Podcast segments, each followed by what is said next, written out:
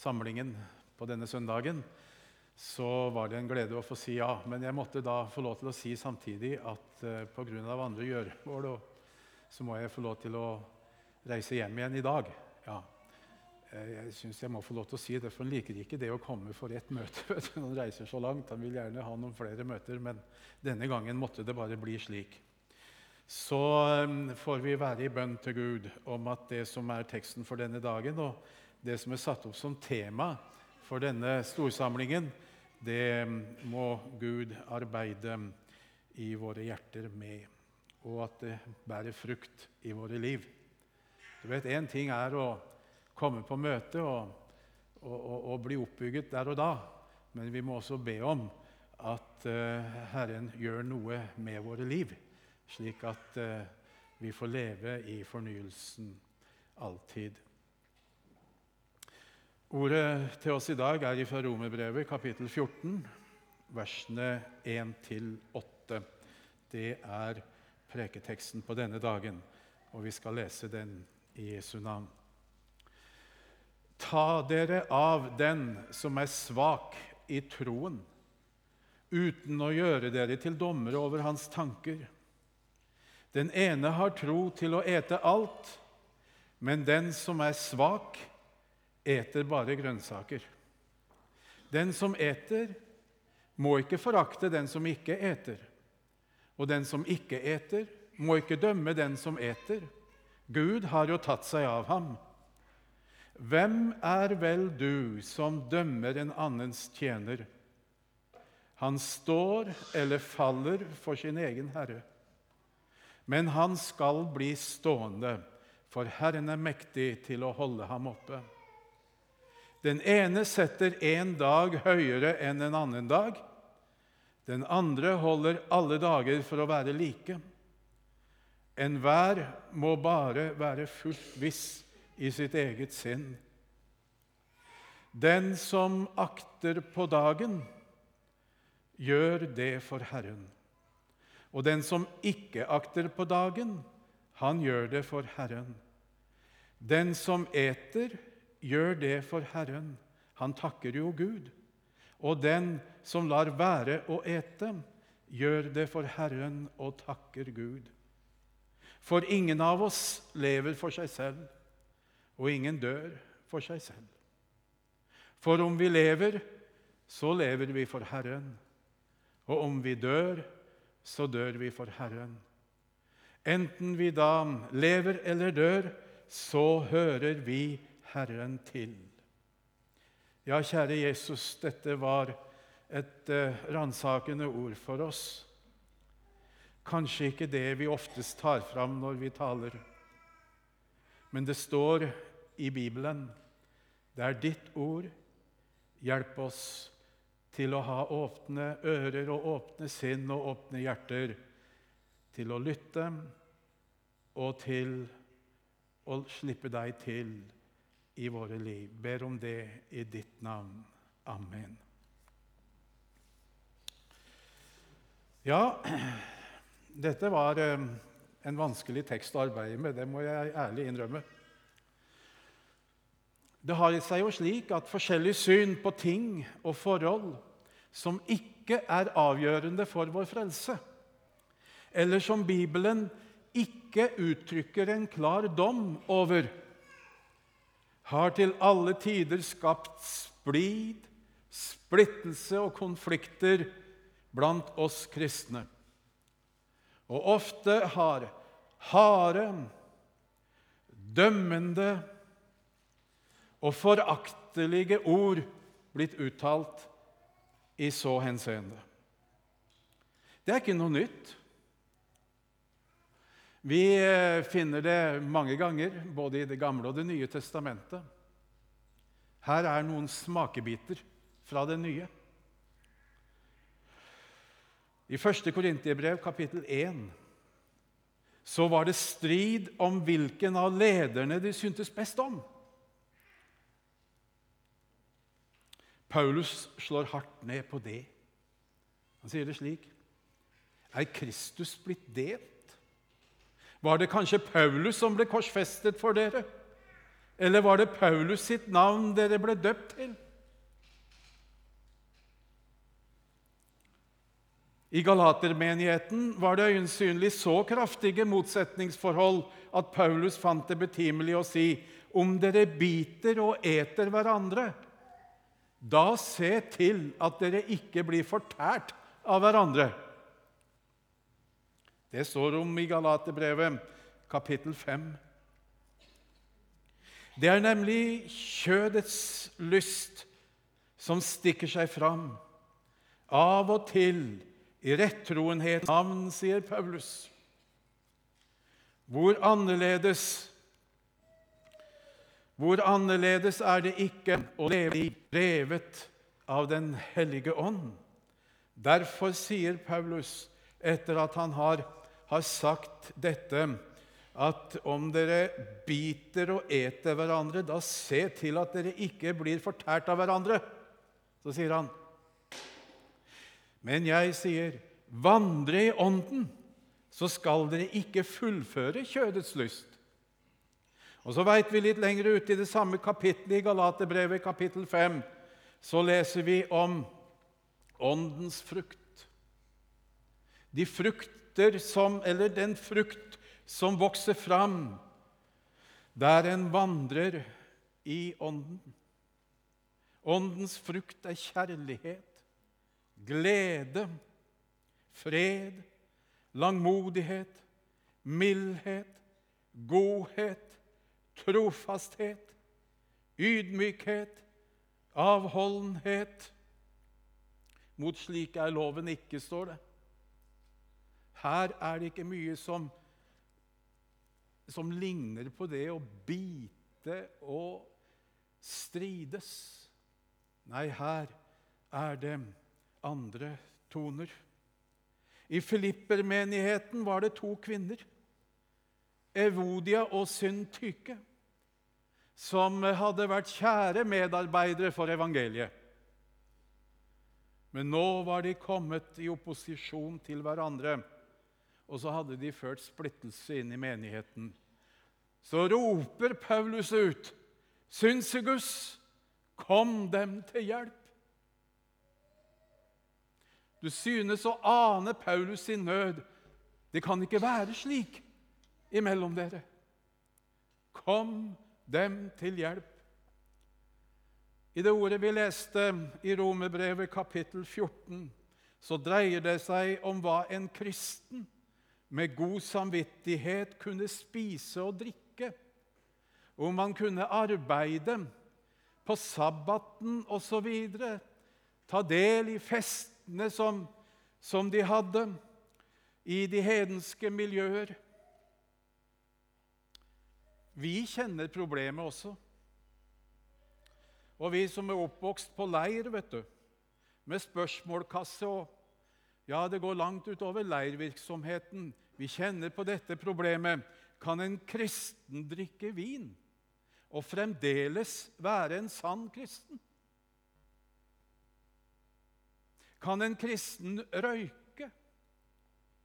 Kan en kristen danse? Har du fått sånne spørsmål? Dette er et emne som Paulus utdyper i 1. Korintiebrev, kapittel 8-10, hvor han setter en modig og radikal standard. Han sier, 'Jeg har lov til alt, men' Det er de store menn i denne teksten. Jeg har lov til alt, men ikke alt oppbygger. Ingen må søke sitt eget, men eh, heller det som er til gagn for nesten. Ikke alt gagner, sier han. Det står det om i kapittel 10 og vers 23 og utover. I møte med et av de mest brennende spørsmål på den tiden, nemlig om det var lov å ete offerkjøtt, var meningene delte. Og det var vanskelig å vite hvordan en best skulle forholde seg. Som misjonær har jeg opplevd det der. hvordan de nye kristne kom og spurte råd. Du skjønte det var noen strenger som dirra litt. Kan jeg delta på en sånn fest, hvor jeg vet det er familien, kanskje? Du er invitert, og du må gå. Kan jeg spise av maten som blir servert? Den har jo vært innvidd ånd, til åndene. Kan jeg spise? Det er som å lese anno år 2009 i Indonesia når du leser om det som skjedde i korintermenigheten. Meningene var delte, og det var vanskelig å vite. Hva er rett å gjøre? Teksten i dag griper rett inn i denne situasjonen. Den begynner med å si at vi skal ta oss av hverandre, særlig de svake i troen. Ha omsorg for de. Vi er ikke vår brors dommer, sier Paulus. Og i versene etter teksten vår, som vi ikke leste, der eh, står det om at det varer ikke lenge før vi står for Guds domstol. Der skal vi alle stilles frem. Og da er det oss selv, ikke de andre, vi skal gjøre regnskap for. Noen var svært så restriktive i de ting som Bibelen ikke taler klart om, og som ikke går på vår frelsessak. De ble i urmenigheten kalt for svake. De sterke var de som hadde tro nok til å bruke sin frihet uten å misbruke den. Begge er tydeligvis overbeviste kristne. De er med i menigheten, og de tror på Jesus. Vi leste jo om det i vers 3. Der står det 'Den som eter, må ikke forakte den som ikke eter', 'og den som ikke eter, må ikke dømme den som eter'. Gud har jo tatt seg av dem. Taler ikke til verslige mennesker utafor menigheten. Det er midt inn i vår midte. Gud har jo tatt seg av dem. Og Det ser vi også av, eh, av eh, vers 5 og 6, der det står Men enhver må være fullt viss i sitt eget sinn. Den som akter på dagen, gjør det for Herren. Og den som ikke akter på dagen, han gjør det for Herren. Den som eter, gjør det for Herren, han takker jo Gud. Og den som lar være å ete, gjør det for Herren og takker Gud. Men hva sier så Paulus? i møte med dette. La oss se litt på det Paulus skriver til korintermenigheten om. For det første sier han, la ingen forakte deg for din frihet. Du er kjøpt fri.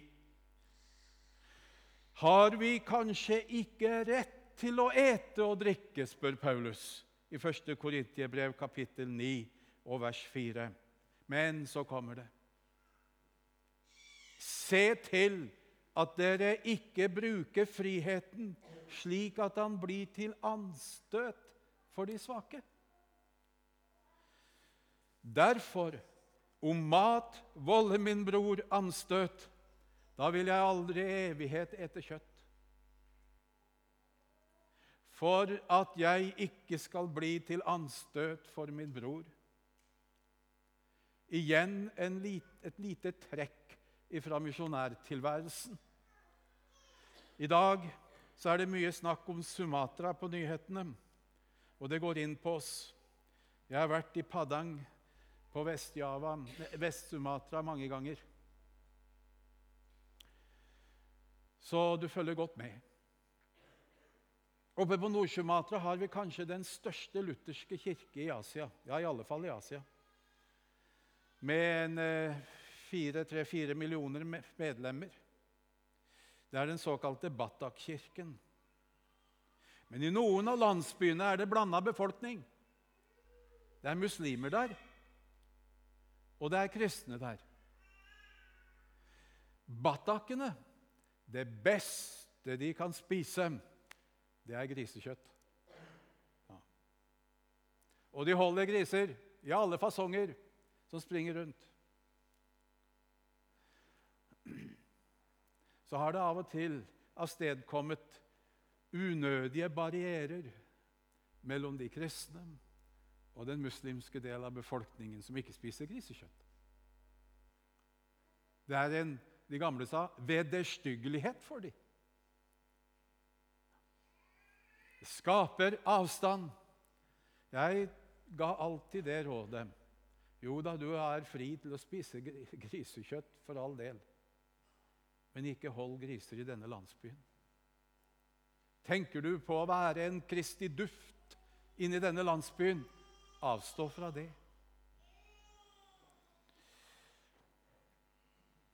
Spørsmålet teksten vår i dag reiser, er Og nå skal vi vende det inn imot oss. Hvordan lever du? Lever du Gud til ære og din neste til gagn? Vi må med andre ord spørre for vår egen del hvordan bedømmer Gud mitt liv? Kan jeg med god samvittighet takke Gud for min livsførsel? Vi lever nemlig ikke for oss selv, fant Paulus det betimelig å minne om. Enhver sann kristen lever for Herren. Slik avsluttes tekstordet til oss i dag. Og å leve for Herren og bruke livet til Hans ære, det vil si å leve for andre mennesker. For våre medmennesker. Det er da du ærer Gud med ditt liv. Det er ikke ei from maske Gud spør etter. Han spør lever du ditt liv til min ære i tjeneste for våre medmennesker. Det er først og fremst å leve slik at vi hjelper vår neste slik at han blir berget for festen i himmelen. Vi kan være opptatt med så mange ting, kjære venner. Men det som det til syvende og sist gjelder. Kommer vi frelst hjem? Får vi med oss noen flere på den veien fordi vi har opplevd at dette er livet?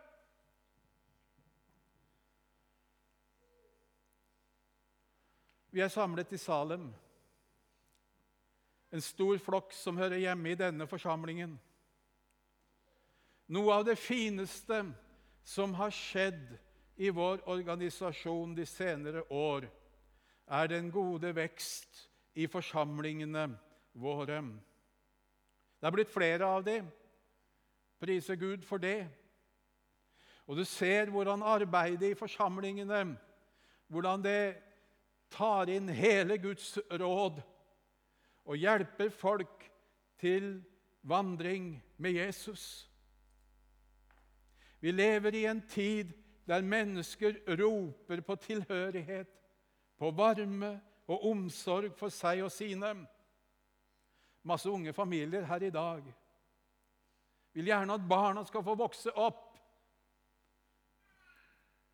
i Guds hus. Vi trenger arenaer der Guds ord forkynnes og læres i sammenheng for alle aldersgrupper. Det er ikke slik i dag at folk automatisk har noe ved, som de snakket om før i tida, som Den hellige ånd skulle fatte tak i. Kristendomskunnskapen er ikke der. Dessverre. Vi trenger en systematisk, et systematisk fokus på Bibelen. Den må læres. Ellers blir det slik som jeg opplevde da jeg var lærer på Fjellhaug. Jeg ba noen å lese noe fra Johannesevangeliet. Og da var det en som, han som rakk opp handa, da han som jeg ba, pekte på, han var helt nytt. Jeg må si, jeg huska ikke navnet engang. Det var en helt ny klasse og ny, ny, ny på høsten. Så, så, sa han det. Du, Johannesevangeliet står det i Det gamle eller Nye testamentet. det var på Fjellhaug. Så rister vi som er grå i håret og mister det etter hvert, vi, vi rister på hodet, og så sier vi Ja, men veit de ikke det? Saken er vi lever i et samfunn hvor folk ikke veit det.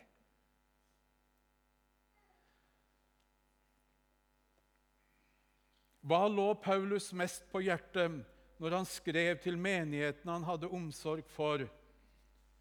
Jo, det gikk ikke mange linjene inn i brevet før han nevnte at han husket de i bønn.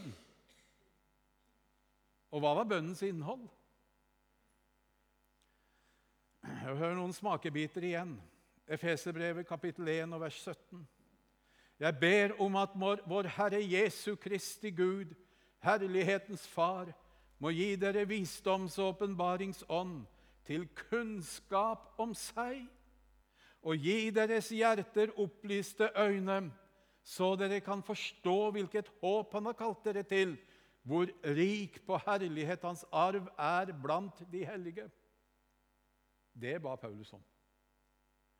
Til Filippermenigheten sier han slik.: Og dette ber jeg om, at deres kjærlighet må bli mer og mer rik på kunnskap og all innsikt, slik at dere kan dømme om hva som er rett i de forskjellige spørsmål, for at dere kan stå rene og uten lyte på Kristi dag, fylt av rettferdsfrukt ved Jesus Kristus, Gud til ære og pris. Ja, vi må ta med oss også fra Kolossebrevet.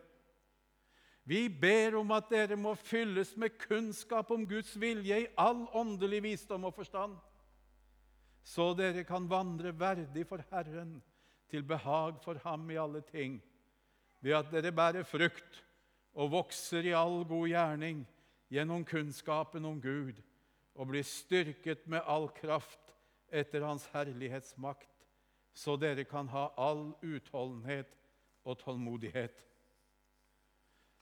Paulus ba med andre ord om at menighetene måtte vokse i nåde og kjennskap til den Herre Jesus, og slik bli bevart til evig liv. Jeg vet ikke noen bedre arenaer for dette enn det som vi kan få bygge våre forsamlinger opp til å bli.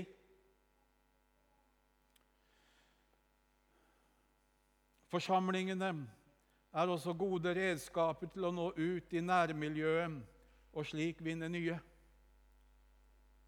Også blant våre nye landsmenn. Flere steder hører vi om at det lykkes, og da må vi på kne og takke Gud. Noen av forsamlingene våre driver et godt diakonalt arbeid som viser noe av Kristi sinnelag i møte med mennesker utenfor oss selv.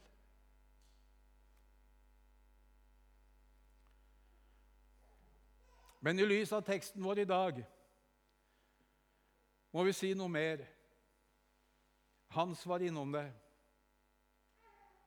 Og det må være til ransakelse for oss alle, ikke minst i forbindelse med forsamlingsarbeidet vårt. Gud ga oss i Misjonssambandet et kall. Verden for Kristus.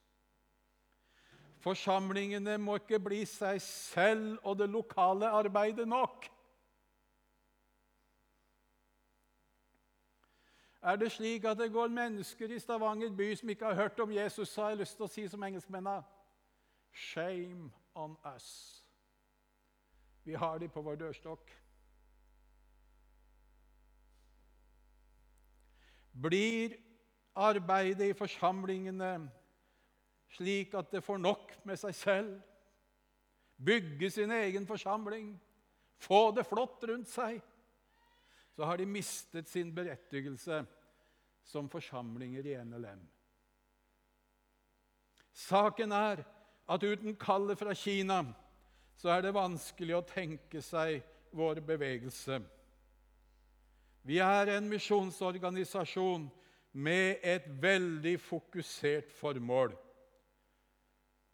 I grunnreglene våre står det slik NLM har til formål å utbre Guds rike. Videre så sies det noe om hvordan arbeidet skal drives for at Guds rike skal utbres. Det skal skje ved at Bibelens budskap forkynnes etter evangelisk luthersk forståelse. Denne måten å arbeide på som en forkynnerbevegelse ut i vårt eget folk, og det kan jeg skrive under på. Det du forkynte i Norge, det forkynte du også i Indonesia. Og mennesket ble omvendt til Gud. Denne måten å arbeide på har vært redskap til vekkelse og ansvar for misjon i hele vår historie. Kallet til å drive misjon, særlig i Kina, står det, skal følge forkynnelsen. Svikter forkynnelsen vår på dette punktet, så svikter vi kallet vårt.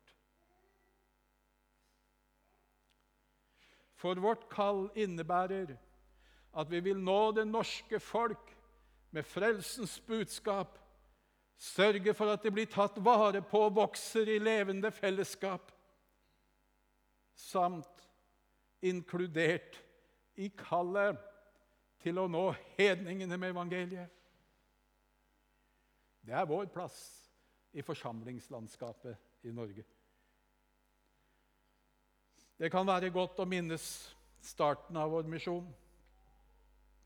Sivert Gjerde sto i Misjonshuset i Bergen og talte om Kinas nød og krav. Da snakket han om disse 1400 sjeler som har sunket ned i hedenske graver nå den siste time. Og så utvikla han det der, hvor mange det ble, over et år. Så sier han om en sådan kjensgjerning berører oss eller ikke, så tror jeg den burde berøre våre hjerter. Det er nok til å bringe en engel til å gråte. Det skulle ikke mer til før Gud reiste seg opp et misjonsfolk her i vårt land. Det var et takknemlig folk, slike som deg og meg som Gud hadde sett til i nåde.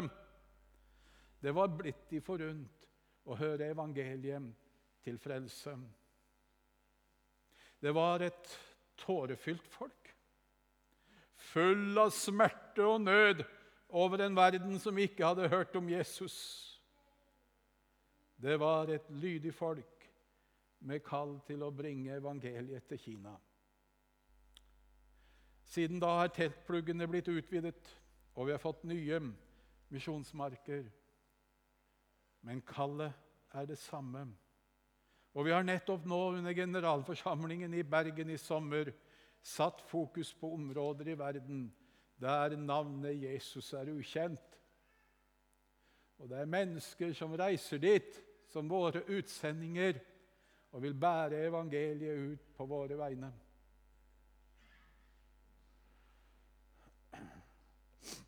Så sa vi ja til det. Å realisere det kallet må forsamlingene våre være med på. Da lever vi for andre.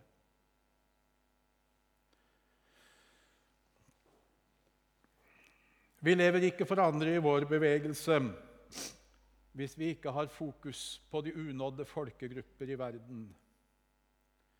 Og dette begynte egentlig med de elleve, som Jesus møtte på Galileafjellet, og som han ga misjonsbefalingen til. Så nådde kallet oss også her i Norge. Så må vi spørre hvordan står det til med oss i dag. Brenner ditt hjerte for at hedningen skal bli frelst? Ønsker du å leve for ham? Det er så altfor sant. Verden er ikke nådd ennå. Det er fremdeles mennesker på jord som bare kan lære Jesu navn å kjenne ved at noen går og forteller dem. Og da må det være noen som sender de òg. Så er spørsmålet til deg og meg hva har vi tenkt å gjøre med det? Vil vi leve slik at de får høre og få en mulighet til å få del i frelsen.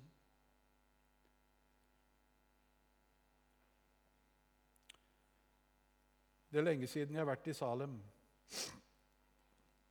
Og det går i surr for meg hva jeg talte om her sist. Det har jeg ikke undersøkt. Jeg har vel skrevet en plass, men Men eh, jeg har av og til nevnt på ei kone som jeg møtte i Indonesia. Aldeles på slutten av tiden vår der. Det var helt øst i Indonesia hvor det i natt var jordskjelv. På en helt annen plass enn Sumatra. Men Indonesia er svært.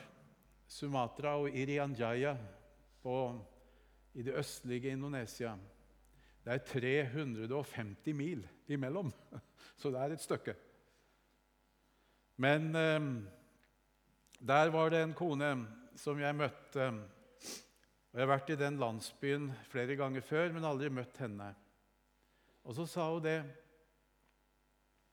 Vi kom i prat da, vet du, om familien og sånn. og Jeg fortalte jo det at vi hadde fire jenter. Eh, det var jo litt av et vitnesbyrd i Indonesia hvor det var bare guttene som telte. Så når vi sa vi har fire jenter, så er vi veldig glad i alle sammen. Nei, det, da sa indoneseren sånn. Men eh, det ble nå et vitnesbyrd, det òg. Men denne kona hun, hun, kom fra en annen landsby. Og så sa hun det at um, den um, første som fikk leve opp før hun kjente Jesus da, det var, måtte være en gutt. Men hun hadde fått da ei jente som ble satt ut i regnskogen. Nummer to var også ei jente som ble satt ut i regnskogen. Så fikk hun en gutt, og siden så hadde hun fått flere gutter og hadde fått to jenter. Og så så hun opp på meg med store øyne og sa Jeg kunne også hatt fire jenter om misjonærene hadde kommet før. Det er mange sånne plasser rundt omkring i verden. du. Evangeliet har ikke lytt ennå. Vil du leve for dem? Kjære Jesus, vi takker deg for ordet til oss i dag. Vi ønsker å leve for deg og bety noe for våre medmennesker og deres evighet, Jesus, hvor de skal tilbringe den. Takker vi deg for de som har reist og er våre utsendinger ute, en flott, flott misjonærflokk. Takker deg for de som står på trappene og skal reise. Takker deg for nasjonale medarbeidere, Jesus. Takker deg for de nasjonale kirker som tar så vel imot oss og vil inkludere oss i arbeidet. Takk for at vi får bety noe. Må du tenne gløden og nøden hos oss som ditt folk. Både for å gå til vårt eget folk med evangeliet og for å gå ut der ditt navn er helt ukjent. Og du velsigne forsamlingen her i, i Salem. Velsigne de du, Jesus. Amen.